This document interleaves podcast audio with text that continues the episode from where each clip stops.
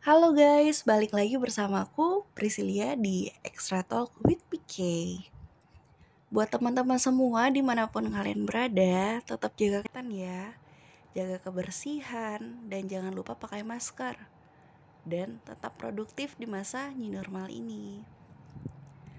Uh, di episode kedua ini, aku ingin ngebahas soal temen kok toksik. Apa sih toksik itu? Toksik adalah racun kita sering dengar orang-orang bilang ih temen lo toksik banget. Lo toksik banget sih? Males deh temenan sama orang-orang toksik ntar ikut toksik lagi gue. Nah gimana sih biar bisa punya teman-teman yang bisa memberikan positive vibes? Sebenarnya semua itu balik lagi ke kita.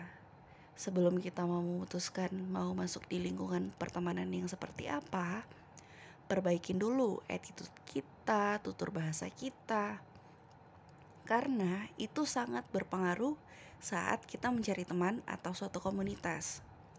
Misalnya aja, aku seorang peminum, perokok, ngomongku nyablak. Secara nggak langsung, aku akan masuk di lingkungan pertemanan yang seperti itu juga. Karena aku pasti akan lebih sering nongkrong di bar atau enggak tempat smoking area.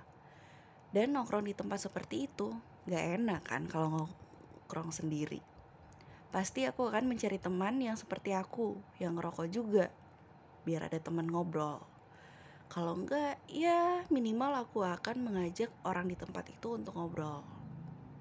Lihat kan, secara nggak langsung aku akan mencari atau mendapat teman yang kurang lebih sepertiku.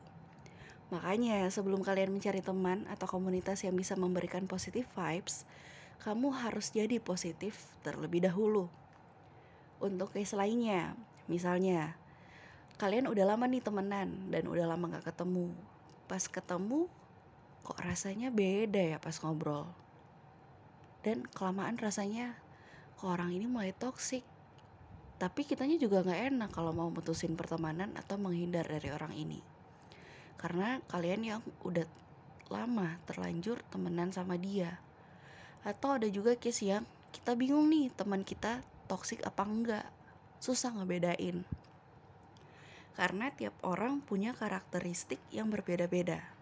Ada yang pendiam ada yang pintar ngomong ada juga orang yang bermaksud baik tapi nggak bisa mengatur kata atau kalimat yang baik. Nah yang harus kita berhati-hati ini adalah orang-orang toksik yang pintar ngomong. Biasanya tipe seperti ini dia dapat memutar balik kata sehingga ia bisa mengatur pandangan orang dan membuat ia terlihat benar dan orang lain lah yang terlihat buruk. Orang seperti ini sangat berpengaruh buruk. Makanya kita harus pintar-pintar membaca karakter orang. Jadilah pendengar yang baik dan bijak.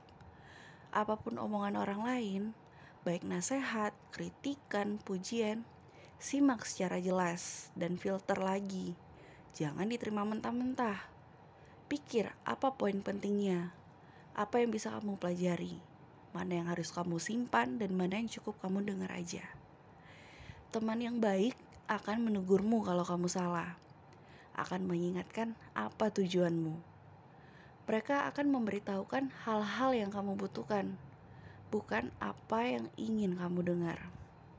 Beda dengan teman yang toksik mereka hanya mengatakan hal-hal yang ingin kamu dengar, bukan apa yang harus kamu dengar. Mereka hanya menjadi batu sandungan buatmu. Dan membenarkan hal yang sudah jelas salah yang kamu tahu ini nggak benar. Tapi mereka membenarkan sehingga kamu pikir ya udah ini benar. Contoh umumnya teman yang mendukung atau mengajakmu melakukan hal yang jelas tidak baik. Misalnya mabok-mabokan narkoba main perempuan, bolos sekolah, kuliah, atau nggak masuk kerja untuk kesenangan sesaat. Dan paling simpel adalah berbohong. Hal yang sudah jelas tidak baik akan dibenarkan oleh mereka dengan rayuan ya sekali-sekali nggak apa-apa. Ah gitu doang. Jangan sampai kita mempersilahkan orang-orang seperti ini nih masuk ke hidup kita dan berperan banyak. Karena itu pelan-pelan membuat yang awalnya mereka toksik dan kita pun menjadi toksik tanpa kita sadari. Dan sekali kita melakukan hal yang besar yang salah, mereka bisa mengejudgemu. Dan resiko paling besar mereka bisa mematikan karaktermu dan mentalmu. Itu dampak kalau kita tetap tinggal di lingkungan atau berteman dengan orang-orang seperti ini. Lebih bijaksanalah memilih lingkungan pertemanan karena itu sangat berpengaruh pada tumbuh kembang karaktermu dan cara berpikirmu. Dan ingat, gak harus nakal kok buat jadi asik di tongkrongan.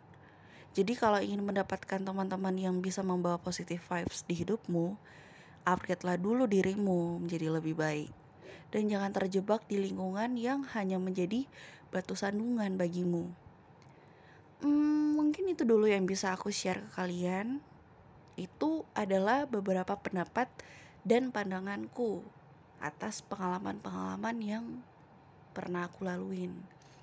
Semoga bisa bermanfaat dan kalau kalian ada pandangan lain atau ingin memberikan saran, kritik, kalian bisa langsung DM atau email ke aku.